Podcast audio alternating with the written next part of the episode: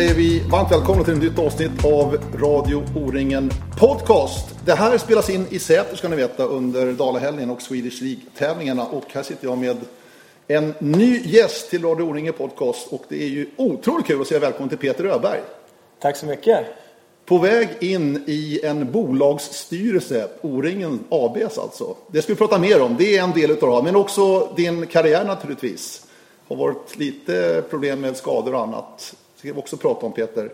Plus en hel del annat smått och gott. Det kommer bli jättespännande här. Hur är statusen idag då Peter? Du har blivit H35 i år. Ja, jag har inte hunnit testa det än, men eh, ja, det känns bra. Ja. Men du känner, känner du att du blir äldre på något sätt? Eller känner du fortfarande att...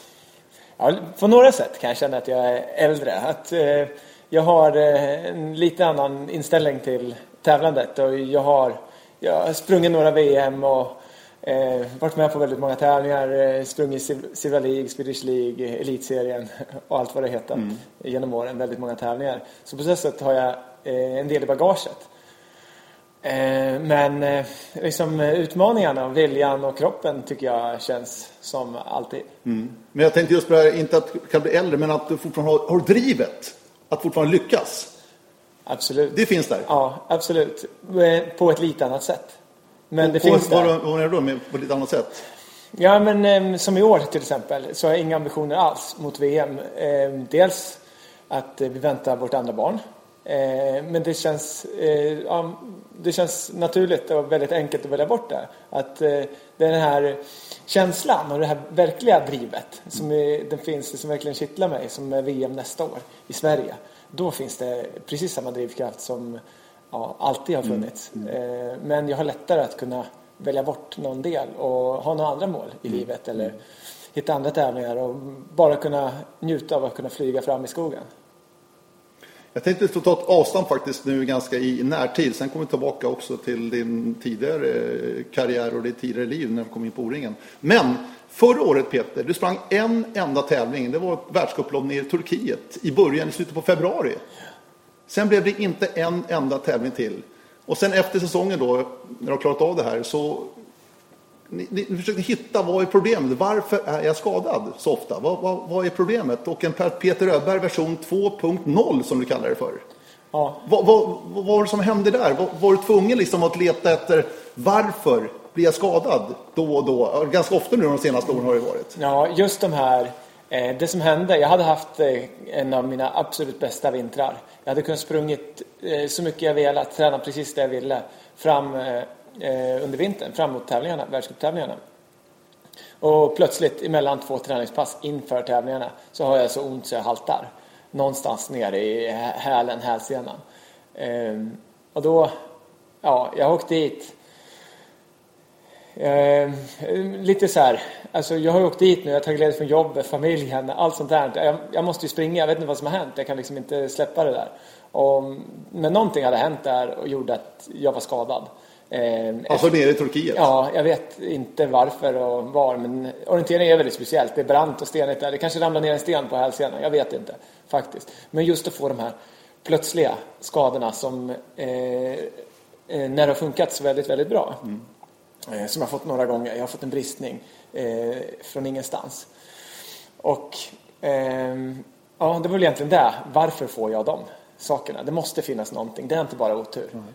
Och hur gick det tillväga då för att leta upp det här på något sätt? Ja, men som säsongen blev sen då. Jag, jag satsade ju eh, fortsatt mot VM. Det var ju ändå det målet. Jag var med i landslagstruppen och jag hade ju haft en så väldigt, väldigt bra vinter. Så jag tränade alternativt. Men sen någon gång framåt maj, eh, april, Eh, kanske redan känner att det här kommer inte funka. Jag testade att springa, tränade lite och sådär. Men det funkade inte. Hälsenan blev inte bra. Så jag la ner. Mm. Och tänkte, ja, jag får väl leva ett liv som eh, alla andra ett tag. Ehm, och tog en rejäl paus från, från landslag eh, och från orienterandet. Och ehm, det funkade ett tag. Jag har ju jättemycket roliga saker jag vid sidan om orienteringen. Så jag hade ju väldigt, väldigt kul. Men jag saknade utmaningen ändå och ville hitta tillbaks. Och jag är väl en problemlösare inom många, andra, många olika områden. Så jag började väl gräva i liksom, orsaker, började testa liksom, ja, mm, och på massa olika sätt egentligen gräva mig fram. För eh, redan efter några veckor så insåg jag att jag vill ju tillbaks och kunna springa. Nivån spelar inte så stor roll. Mm. Men eh, jag vill kunna hålla på med veteranorienteringar när jag blir äldre och så med. Jag vill inte sluta på det här sättet. Men vad letar du alltså? Att du kanske sprang fel, var löpsteget Var det sånt du tittade på? Eller ja, men egentligen allting. Och vara öppen för, för nya saker, nya impulser, vad andra gör. Som mm. kan hålla sig hela. Okay. Eh, sen är det ju så att eh, folk föds olika, kanske har lite olika långa ben, olika biomekanik. Eh, så det kan finnas förutsättningar som är mindre gynnsamma hos olika individer. Jag kanske inte har allra bästa förutsättningar. Jag har en sned rygg som jag är född med och så vidare. Men jag ska kunna springa rimligt mycket utan att vara plötsligt säga, pang och så är jag trasig mm. väldigt, väldigt länge. Mm. Så, så att, ja, min, min fru är sjukgymnast ja, och såklart precis. så diskuterar jag och nördar ner mig lite där och pratar men eh, det är väl framförallt att jag själv gick gott och fundera och sen ja, men, eh, fick höra om eh, folk som hade funkat eh, och gjort en, en resa från att vara skadade väldigt mycket till att det går bra. Eh, och det ledde väl fram till att jag besökte en, en person i Uppsala. Eh, och det var väldigt intressant. Mm. Vad, vad, vad, ställer han då för frågor när du kommer hit första gången? Liksom? Hur, hur benar ni upp det här? Ja, men eh, han kikade egentligen inte på min hälsena utan han kikade på sättet jag rörde mig, ja. min hållning och, eh, och vilka begränsningar jag hade i mitt rörelseförfång. Och det fanns ganska mycket där. Efter, eh, helt naturligt efter en lång karriär. Eh, jag fick springa lite barfota på ett löpband och jag klarade inte det. Hälsenan var ju lite besvärad då, men jag hade väldigt, väldigt svårt att springa en minut på, på ett löpband just då. Okay. Och eh, tåget hem från Uppsala så tänkte jag väl att det är ganska länge sedan. När jag var liten sprang jag jämt barfota. Det är ganska länge sedan. Jag skulle springa någon annan grej och jag klarade verkligen inte det. Så jag hade väl tagit det så långt att skydda så att jag hade blivit så väldigt, väldigt svag. Skydda mina hälsenor och vader som hade varit en svag punkt. Så det hade gått väldigt, väldigt långt. Så um, där insåg jag väl att ja, jag får ta nya tag och komma tillbaka som en ny löpare om jag ska kunna hålla mig. Ja, just det. Men vad, vad, vad, har skett då? Vad är det för förändringar du har gjort nu så att säga? Ja, men det Eh, Om det går att liksom berätta ja, på något sätt. Men en, en, en stor del av eh, något som introducerades där när jag var i Uppsala, det är eh, hållningen och hållningens påverkan på eh, vilka krafter som läggs på olika muskler. Om jag är framåt, väldigt framåtlutad, det är lätt att bli det. Du har kartan, krummar ihop ryggen och liksom axlarna framåt. Eh, så hela nervbanan får en lång väg plus att jag är framåtlutad. Och då måste jag ju kompensera det på något sätt. Eh, annars skulle jag ju ramla framåt. Mm. Så mina, och jag har alltid sprungit att mina baksida lår har varit helt paj mm. när jag kommer i mål.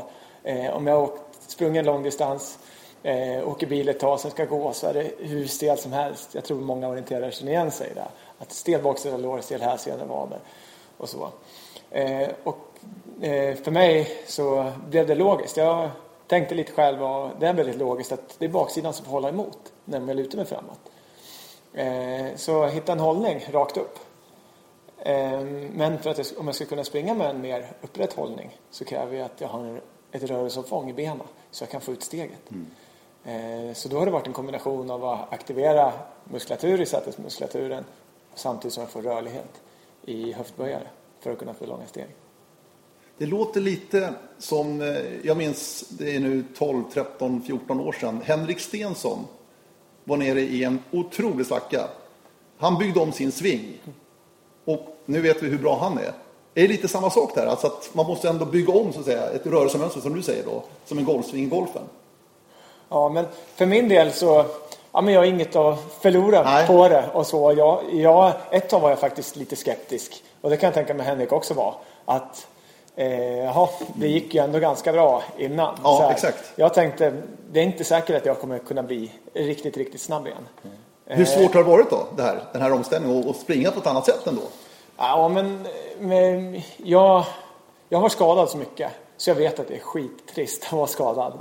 Mm. Eh, så många har sagt att de skulle aldrig kunna ha det tålamodet. Att börja varannan dag, en minuts träning. Det var det jag var tvungen att göra. Eh, men jag höll det.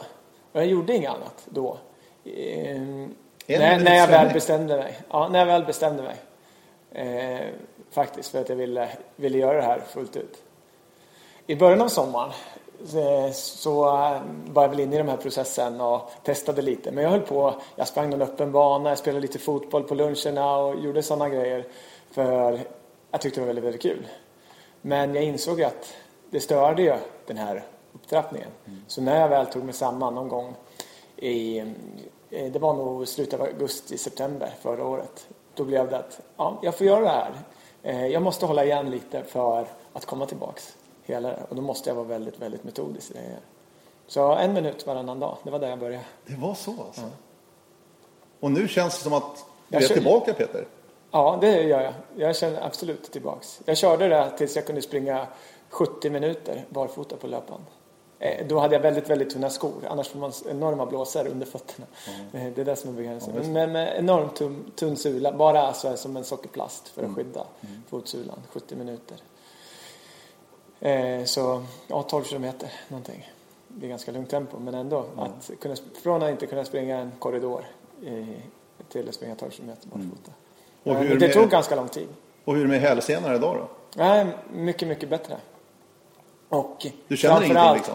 Nej, men framförallt, det är ju så, jag var ju ändå, höll ändå upp nästan ett helt år från ordentlig träning. Eh, så jag kan inte springa hur som helst fortfarande. Jag kan inte gå därifrån för då är det någonting annat som blir en svag, svag länk. Eh, men jag har sprungit nattes när det var 14 kilometer nu. Eh, mm. Och kunna gå därifrån. Och jag bara känner, men jag har ju sprungit men jag kan gå. Jag, det drar inte baksida lår. Det var en enorm skillnad. Eh, men då jobbar jag med hållningen och det hela tiden. Mm. Och, men också aktivera sätesmuskulaturen på, mm. på ett annat sätt. Mm. Så ja, för vissa kanske det låter lite hokus pokus men eh, det är inte eh, enbart att springa barfota på löpband är ingen nyckel. Man måste lära sig att springa på rätt sätt. Och då går det att träna upp eh, om jag progresserar väldigt, väldigt långsamt att springa långt barfota. Mm. Och för mig blev det ett sätt att stärka upp och verkligen tvinga mig att göra rätt. Mm. För om jag skulle göra fel så skulle jag aldrig klara att springa 70 minuter barfota. Men det gäller att du har tålamod har du ju lärt dig att få naturligtvis genom åren med alla dina skador du har haft Peter också. Och ett mål långt där framme också att jag ska dit. Mm. Att ja, måla upp det här målet verkligen. Mm. Ja men att eh, när jag var där och hade, ja jag kanske aldrig mer kommer springa i landslaget. Eh, så tänkte jag att ja, men om jag slutar här då är risken att jag kommer ha den här skadan i hela min eh, resterande del av min orienteringskarriär som är så enormt värdefull. Kunna bara ge mig ut och springa distriktstävlingar, springa ja, med mina barn kanske och allting sånt. Eh, jag vill inte sluta så här utan jag vill sluta i ett bättre skick än vad jag är nu. Eh, så där, eh, och då samtidigt med ett VM på hemmaplan de två målsättningarna tillsammans, eh, att du gör det här jobbet. Mm. Vad har du att säga? Det är många yngre som lyssnar på det här och det kan vara bra att höra dig nu Peter också, som har gått igenom många skador. Mm. Hur, hur, ska man tänka sig? För att de vill tillbaka, alla vill tillbaka. Mm. Men du har ju provat på alternativ träning, rehab och allt det här. Alltså, vad, vad, hur ska man tänka i de här lägena? Alltså, vad, vad, har du för tips och råd att ge till de här, framförallt yngre då, som verkligen vill framåt och bli bra? Mm. Som blir skadade? Ja, men just den här, att, eh, den här delen att du har en bra funktion i din löpning. Eh, den tror jag är väldigt, väldigt viktig. Vi som orienterare, vi utsätts för enormt mycket. Igår var det sprint in i Säter, idag är det eh, springa i stenigt, eh, risigt och ibland jätte, jättefin skog här i en sluttning. Och på söndag så är det enormt kuperat upp och ner i berg och mossar. Allt det här ska vi klara. Om jag då bara tränar på ett sätt i en hastighet till exempel. Alltså, vi måste vara enormt kompletta och vi måste ha en väldigt bra grundmotorik eh, och en bra funktion i muskulaturen. Så inte slarva med de här tråkiga övningarna. Vad, menar du, vad, vad är det för tråkiga övningar du tänker ja, på? När du säger men rörlighetsövningar och, och allt sånt. Jag, jag tror enormt mycket på aktiv, aktiva rörlighetsövningar. Så att det är musklerna som själva gör att den drar ut och jag får den rörligheten och för att få samtidigt den funktionen som jag behöver. Mm. Eh, så ta det som en naturlig del av träningen om ni är ungdomsledare, barn och ungdomstränare. Eh, introducera det tidigt, det är en naturlig del. I fotbollen har de knäkontroll som gör att de klarar, eh, många, framförallt tjejer klarar sina knän mm. som kan hålla på med sin idrott och ha kul där. Införa en som en naturlig del, det tar några minuter. För mig nu, ja men det är bara en, en självklarhet. Men jag kan känna mig själv och Eh, fram till, jag har haft en period, två, två veckor tillbaks, två, tre veckor, sen Åmål ungefär. där jag har känt att jag har inte den här balansen som jag haft ända sedan jag kommit tillbaks. Och så har jag tittat, funderat tillbaks på vad jag gjort och jag har ju slarvat med de här övningarna. Så nu är det tillbaks igen. Ja men det, stenhårt, det är två gånger de, om dagen. Det spelar ingen roll. Jag ska, eh, det ger mig mer. Jag måste göra det. Eh, sticka ut och springa en timme. Det hjälper inte mig att komma tillbaks i balansen. Så det har varit enormt eh, eh begränsat med konditionsträning den här tiden. Men jag har gjort det här för att komma tillbaka. Så, ja, idag känns det bättre igen. Så mm. jag har nog tänkt rätt. Men du, vad tror du då om tillståndet inom orientering, elitorienteringen då? Tittar vi för mycket, eller rättare sagt för lite på just alltså löpskolning och den här biten? För att orienterare är ju löpare. Otroligt starka löpare. Men kanske tänker vi mycket på orientering och tekniken och de här bitarna. Man glömmer bort det här med ja, löpskolningen, skulle vi vilja kalla det. Som friidrotten är ju jätteduktiga på. Mm. Ja, men de jobbar jättemycket med det. Ja. det alltså det vi Kan vi bli bättre kunna, där, tror du? Ja, men jag tror vi kan bli bättre. Men alltså med löpskolning handlar det om att jag har funktion i muskulaturen. Och till exempel sätesmuskulaturen. Som är, sätesmuskeln är, stora sätesmuskeln är kroppens starkaste muskel. Eh, har vi en bra funktion där, då, det, är, det är viktigt att kunna använda den på alla underlag. Eh, Det är inte att springa på ett visst sätt eh, rent eh, rörelsemässigt som kanske är det absolut viktigaste utan det får en funktion i, i den. Och då klarar man på många, sätt, eh, många gånger också baksida låren som annars blir väldigt, väldigt stel. Så där är någonting och det är inte så lätt men eh, det, är- ja, det, det tror jag är väldigt, väldigt viktigt. Du, jag tänkte så här också Peter. Nu alltså Peter Öberg version 2.0. Det har blivit H35 i år. Skulle du ha gjort det här tidigare? Kan du känna så någonstans att oj, det här skulle nog titta på långt tidigare? Förstår du vad jag menar? Ja, men jag, jag kanske har haft en eh, 1.1. eh, Det var nog när jag slog mig igen, in i 1.5 kanske eller något sånt där. När jag slog mig in i landslaget. Eh, Så, då gjorde jag en sväng som var väldigt, väldigt viktig för mig. Och då lärde jag mig att springa på andra underlag. Jag lärde mig att aktivera eh, de, några av de viktiga musklerna. Men eh, jag kanske missade några detaljer som jag nu kunde ha tagit nu. Och, nej, jag grämer mig inte för det. Så. Jag eh, i alla fall kunde sprungit riktigt, riktigt snabbt. Så det, ehm, jag vill också sätta det så, som att det kan vara baksidan. Att ha en, en extra växel så kan det ibland slita lite på, på materialet.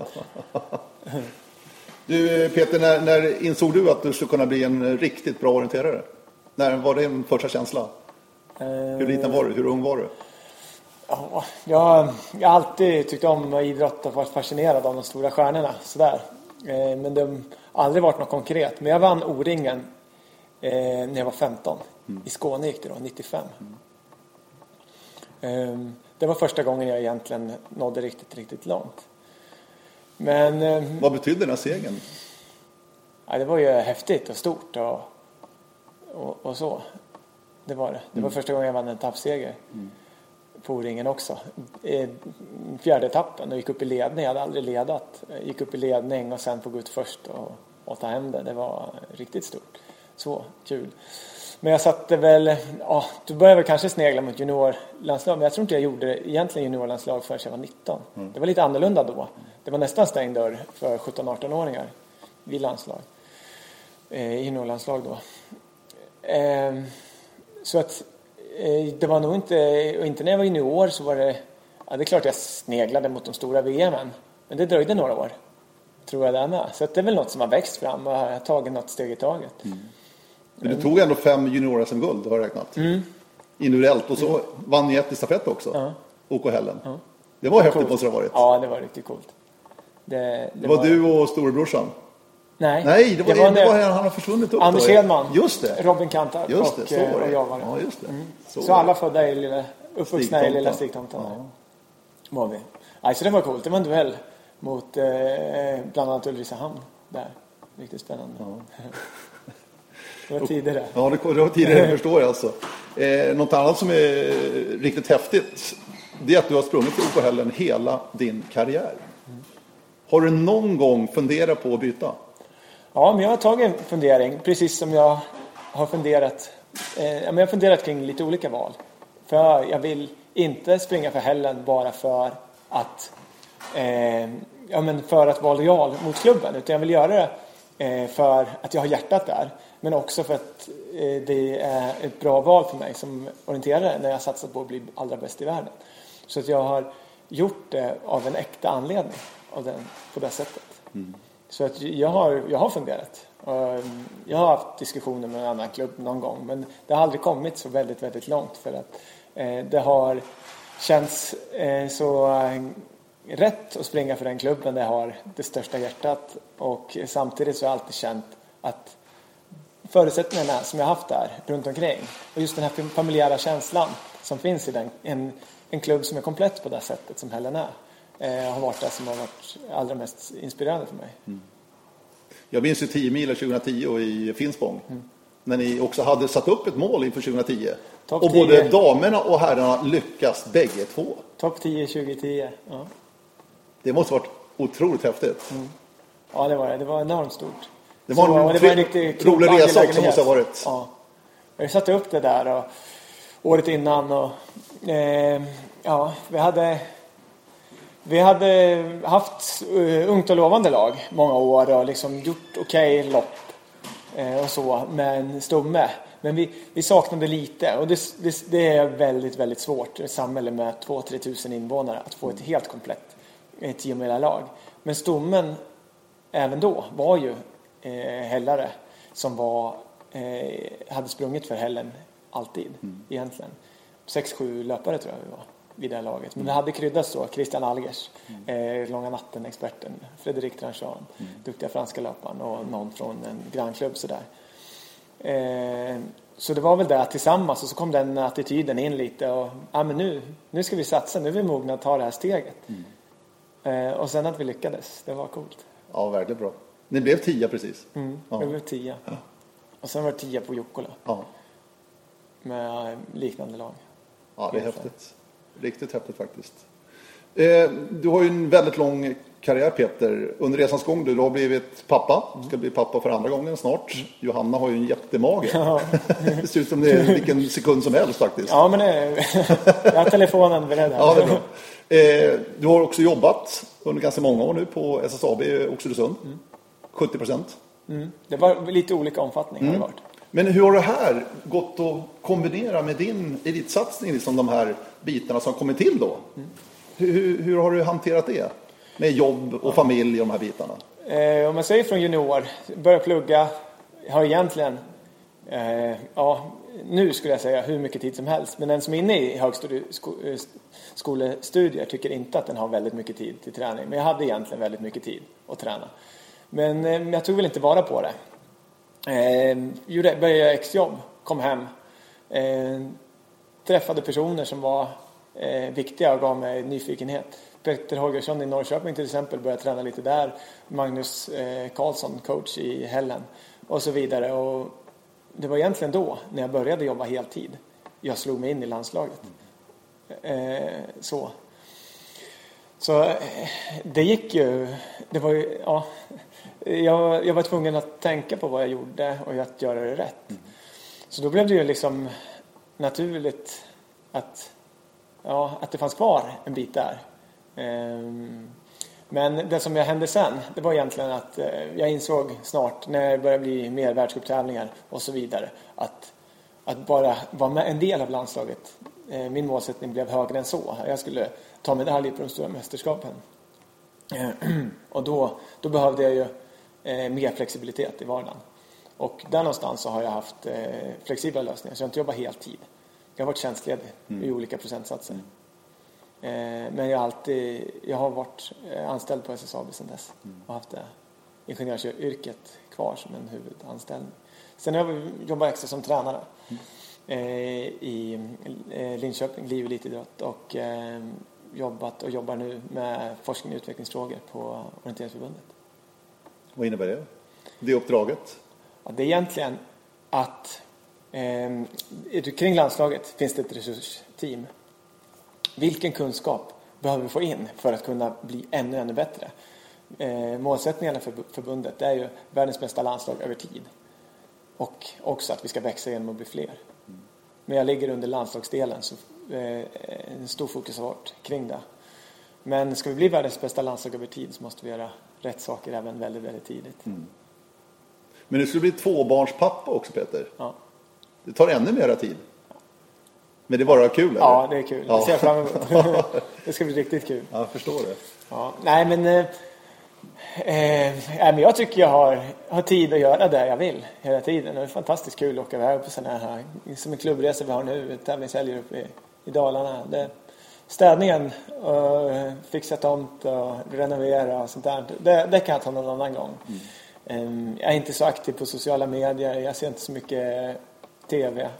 Det är den där jag prioriterar bort. Mm. Men det sociala, mitt familjeliv eh, och allt annat kul jag gör, det, det kan jag verkligen göra känner jag. Det, det är jag glad för.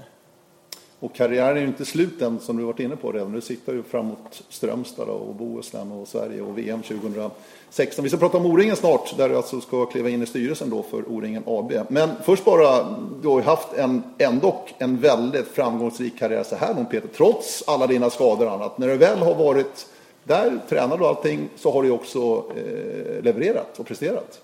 Mm. Det är bara VM-guldet som saknas egentligen. Ja, jag har varit, jag har varit nära några gånger, både i stafett och individuellt. Ja. Så. Eh, ja, jag vet inte om jag skulle resonerat annorlunda om jag hade haft eh, jag vet inte hur många silver jag har, är det fyra kanske? Om jag hade haft fyra guld då? Om mm. jag hade resonerat annorlunda nu. Eh, men eh, det läget jag står i nu, jag är jätteglad för det jag har gjort och så. Eh, men jag är enormt sugen på att satsa mm. i Sverige. Mm. Och... Du tog ju silver både 2010 och 2011 på medeldistansen. Eh, Karl Wåhler vann ju då i Trondheim och så var det Thierry som vann då i Frankrike. Mm. På hans hemmaplan verkligen. Mm. Så du, du, har ju varit nära ändå. Mm.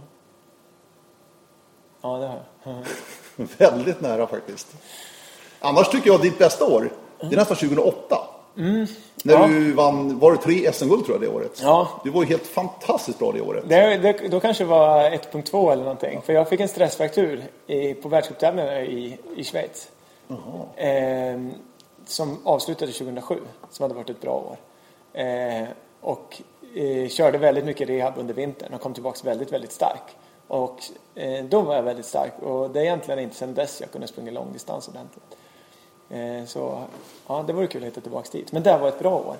Eh, jag var väldigt nära på medeldistansen redan då men var väl kanske inte riktigt Ja, jag visste inte mentalt kanske att jag hade chansen på samma sätt som jag hade de senare åren sen mm. jag verkligen hade gjort det. Mm.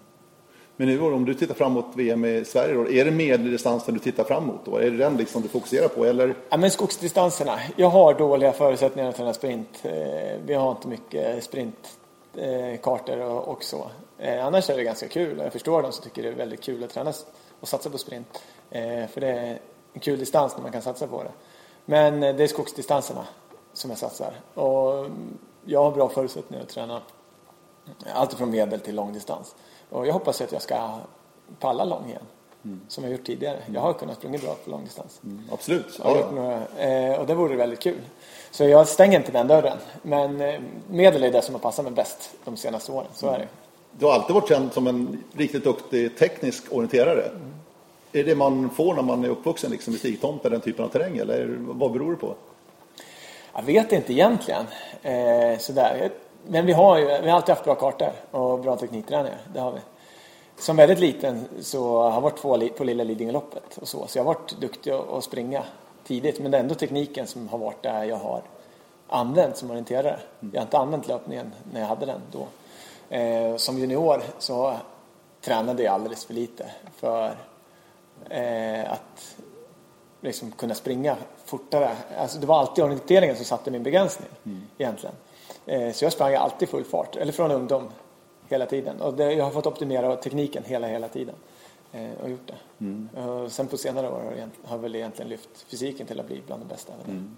Men annars det här med tekniken, vad, hur har du utvecklats om du tittar tillbaka 15 år? Liksom? Alltså, vad, vad har du blivit bättre på orienteringsmässigt? Vad, vad är det man utvecklar sig rent tekniskt? Ja, det, alltså att springa bra i Sörmland eh, lärde jag mig väl som ungdom och sådär och dunka på full fart, eh, läsa lite, ligga på linjen. Inte, eh, men med VM-satsningarna så har jag lärt mig att hantera andra olika verktyg. Mm. Till exempel bli duktig på riktningslöpare, använda andra karttecken. Som eh, beståndsgränskanter och sånt. Tjeckien till exempel, lära mig läsa på vegetation. Eh, Frankrike, ja men förenkla hur jag gör det i många olika processer och så. Så att VM-satsningarna har lyft mig och gjort mig mycket, mycket mer komplett till att kunna använda olika eh, delar av min teknik. Ehm, så egentligen har hela, det är hela den processen som har gjort mig till den orienterare jag är nu. Mm. Men annars, hur preparerar du för ett VM-lopp? Alltså hur, hur, mycket gör du vid skrivbordet jämfört med i skogen då? Med... Ja, i, i, skogen gör jag mycket och ja. sen analyserar det jag gör, gör jag också. Ja, okay. eh, på träningar. Men att förbereda en VM-bana och lägga, eh, det, gör, det lägger jag inte så mycket tid på. Jag fick höra igår att det fanns en karta över dagens tävling till exempel. Jag tror vissa har lagt jättemycket banor här. Men en, en medeldistans, eh, det är så mycket annat än, än sträckor. Utan det handlar om genomförandet och där lägger jag rätt mycket tid. Då på att analysera varför eh, jag gör som jag gör och eh, hur jag kan förstärka det som varit bra. Mm. Med efteranalyser och så. Så där är, eh, lägger jag väldigt mycket tid. Och du gör? Alltså efteranalyser? Ja, ja, eller mycket tid. Jag, jag gör det jag tycker jag behöver och jag lägger den tiden jag behöver. Sen eh, ibland tar det två minuter att göra analys, efteranalys av ett lopp. Mm. Eh, men ibland kan det ta 20-30 mm. minuter. Hur pass planerad och strukturerad är det vad gäller träning då? Alltså har du satt upp precis vad du ska göra varje dag liksom närmaste månaden? Jag har gjort det några gånger men jag har aldrig hållit det. Så jag, jag, kör väldigt, ja, men jag är rätt mycket så här, käns känslomänniska. Så. Men jag, jag är ändå en person, alltså jag gillar att eh, tänka kring sådana saker och fundera på varför och varför det blir som det blir på olika sätt.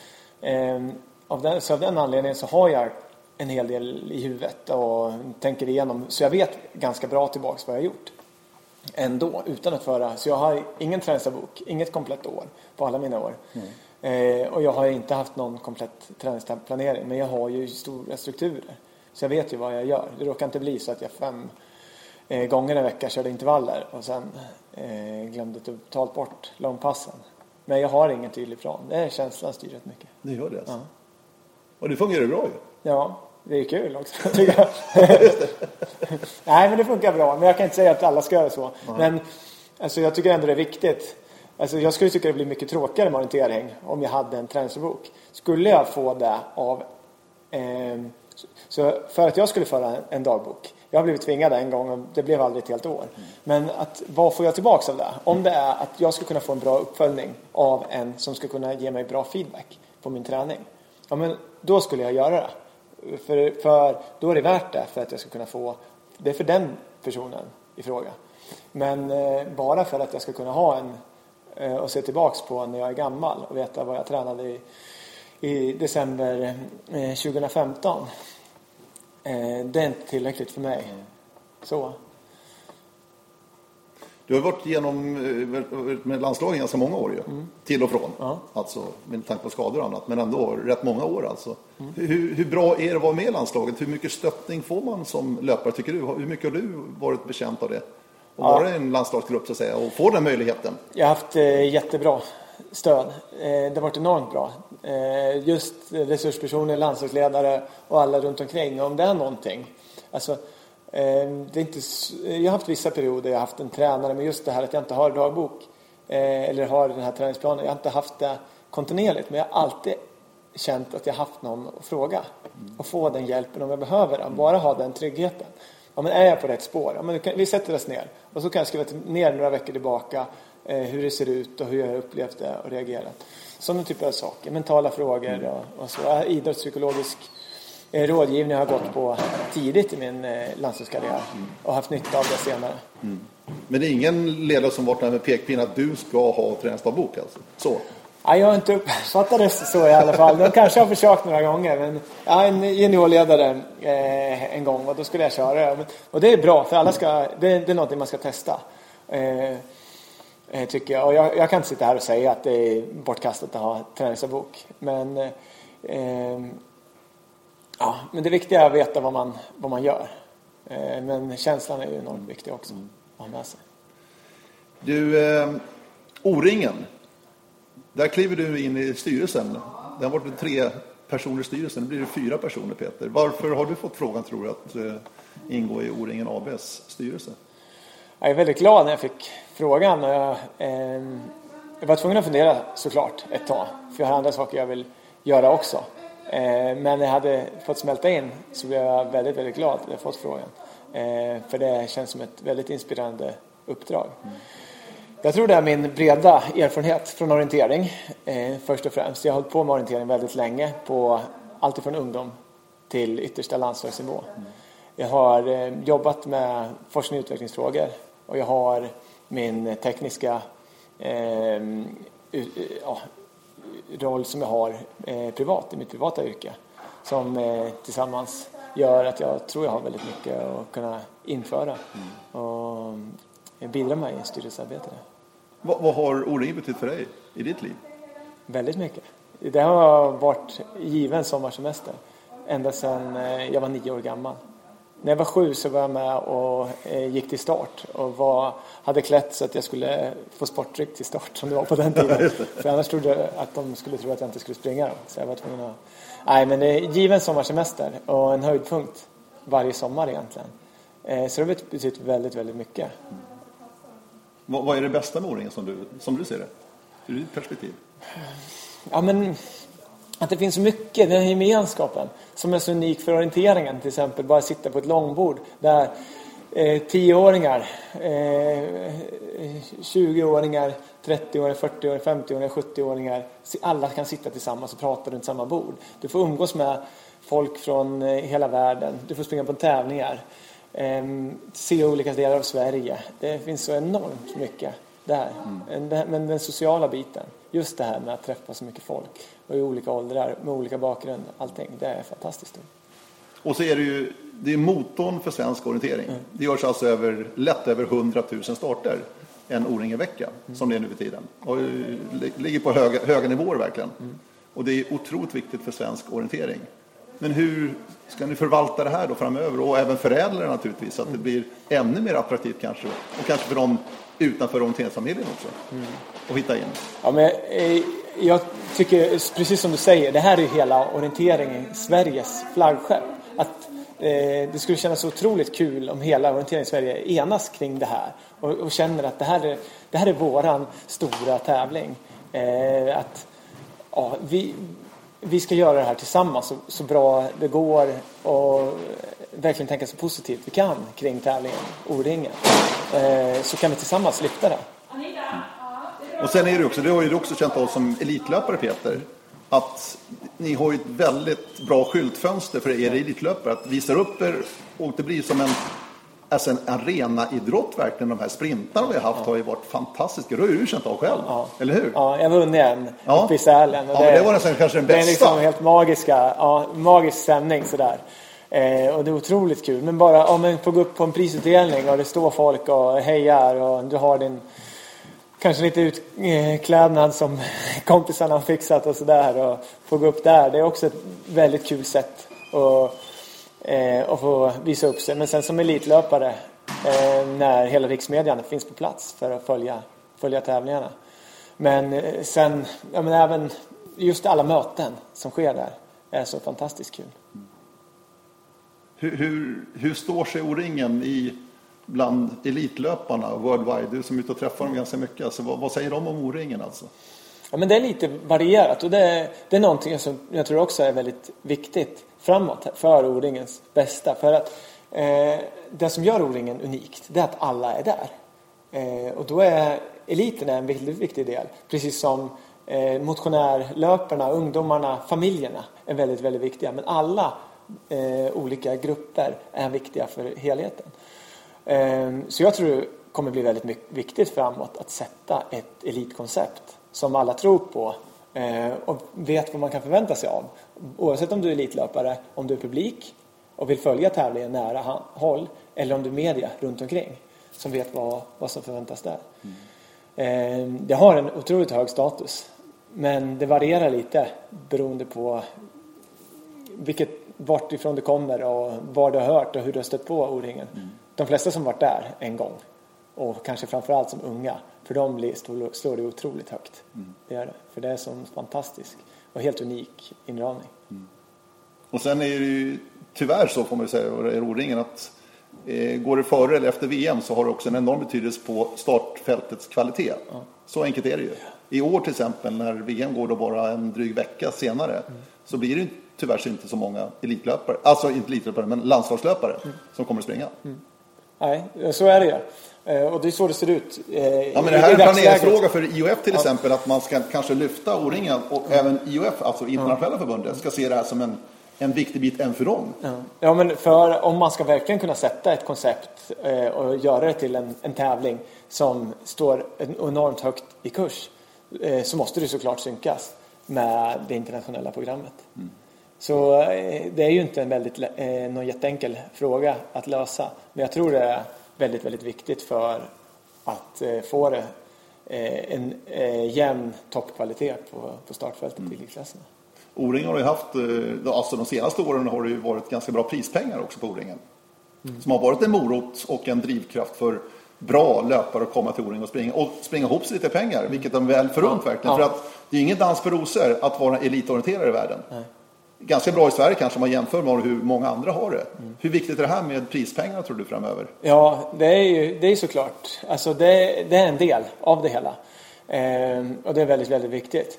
Men det får inte heller bli så, alltså just den här synkningen med programmet är enormt viktig. Så att inga, och det är inte några löpare som måste åka, måste åka till O-ringen till varje pris och på så sätt få prioritera ner VM. För VM är ju en stor tävling, där ska världens bästa orienterare koras. Och O-ringen, där koras världens bästa femdagarslöpare. Det vore otroligt kul om det skulle bli så. Eh, och det vore ju fantastiskt framåt. Men då måste det ju vara så att det finns prispengar till de bästa som en extra morot. Det är ju också det här medieintresset och allting runt omkring och stå där med checken. Ehm, sen vet jag inte, jag tror det är väldigt, väldigt olika hur löparna värderar det. Så. Eh, för mig så är ju äran värd så enormt mycket mer än, än prispengarna. Men eh, det är ändå någonting som kryddar det hela. Annars då, om vi ser på sikt lite grann O-ringen. Precis förra året bolagiserades O-ringen, O-ringen AB, som Svenska Orienteringsförbundet äger upp till 100 procent. Men vad tror du den här bolagiseringen kommer att innebära för O-ringen? Vad, vad, ser du liksom för fördelar och nackdelar framöver? Har du hunnit sätta in det här lite grann? Ja, men eh, eh, generellt sett så, så eh, tror jag väldigt, väldigt bra för svensk orientering och för O-ringen att det blir mycket tydligare vad som det innebär att eh, vara löp- deltagare om du är arrangör eller om du är besökare eller om du är media kring ett O-ringen. Och sätta det eh, varumärket O-ringen så man vet vad det innebär. För att det, är- ja, det är först nu, kanske nästa år egentligen, som O-ringen AB slår igenom ordentligt. Men att det fanns ju avtal sedan tidigare då när O-ringen AB bildades med arrangörsföreningarna. Tror du det kommer bli lätt framöver också att hitta, hitta arrangörer för O-ringen år efter år, sommar efter sommar? Jag, jag tror det. När det sätter sig, det nya, eh, det nya bolaget och alla vet vad som förväntas och vad som ges tillbaks. Eh, och jag hoppas verkligen det, för orientering, O-ringen är ju en fantastisk tävling. Eh, det ska verkligen, att, att det ger, att folk känner att det ger ett, ett drag kring regionen. Eh, och du dessutom får någonting tillbaks. Du vet vad det, eh, vad det innebär i arbetsinsats och så vidare. Har du varit på någon styrelsemöten? Eh, vi har varit på bolagsstämman. Ja, bolagsstämma var det, ja just det. Det väntar styrelsemöte framåt Ja. här i sommar. Ja, spännande. Ett spännande upp- hedersuppdrag som du säger. Ja, absolut. Det är otroligt kul och fantastiskt att få vara med och påverka någonting som varit så stor del av mina somrar här framåt. Häftigt. Vi ska ta avsluta det här nu. Nu är det 45 minuter snart. Det går fort tiden. Vet du. Vad roligt. Du, Peter Öberg version 2.0 och har alltså ett mål i sikte där, Bohuslän i augusti månad 2016. Hur ser planen ut fram till dess? Alltså, vad, vad ser du? Har du några delmål under resan fram här mot VM i Sverige då, Peter? I år är egentligen målet med vårsäsongen det är att kunna springa långdistans. Eh, Jag gör ett försök på söndag. Jag hoppas jag tar mig runt där eh, och kan tycka det är riktigt kul och klara av det på ett bra sätt. Sen eh, lite funderande, men jag springer O-ringen eh, elitklass. Hur stort mål det blir resultatmässigt, det, det återstår att se. Men eh, jag vill under året springa mig in i landslaget just för att kunna vara med i den här truppen som är väldigt betydelsefull.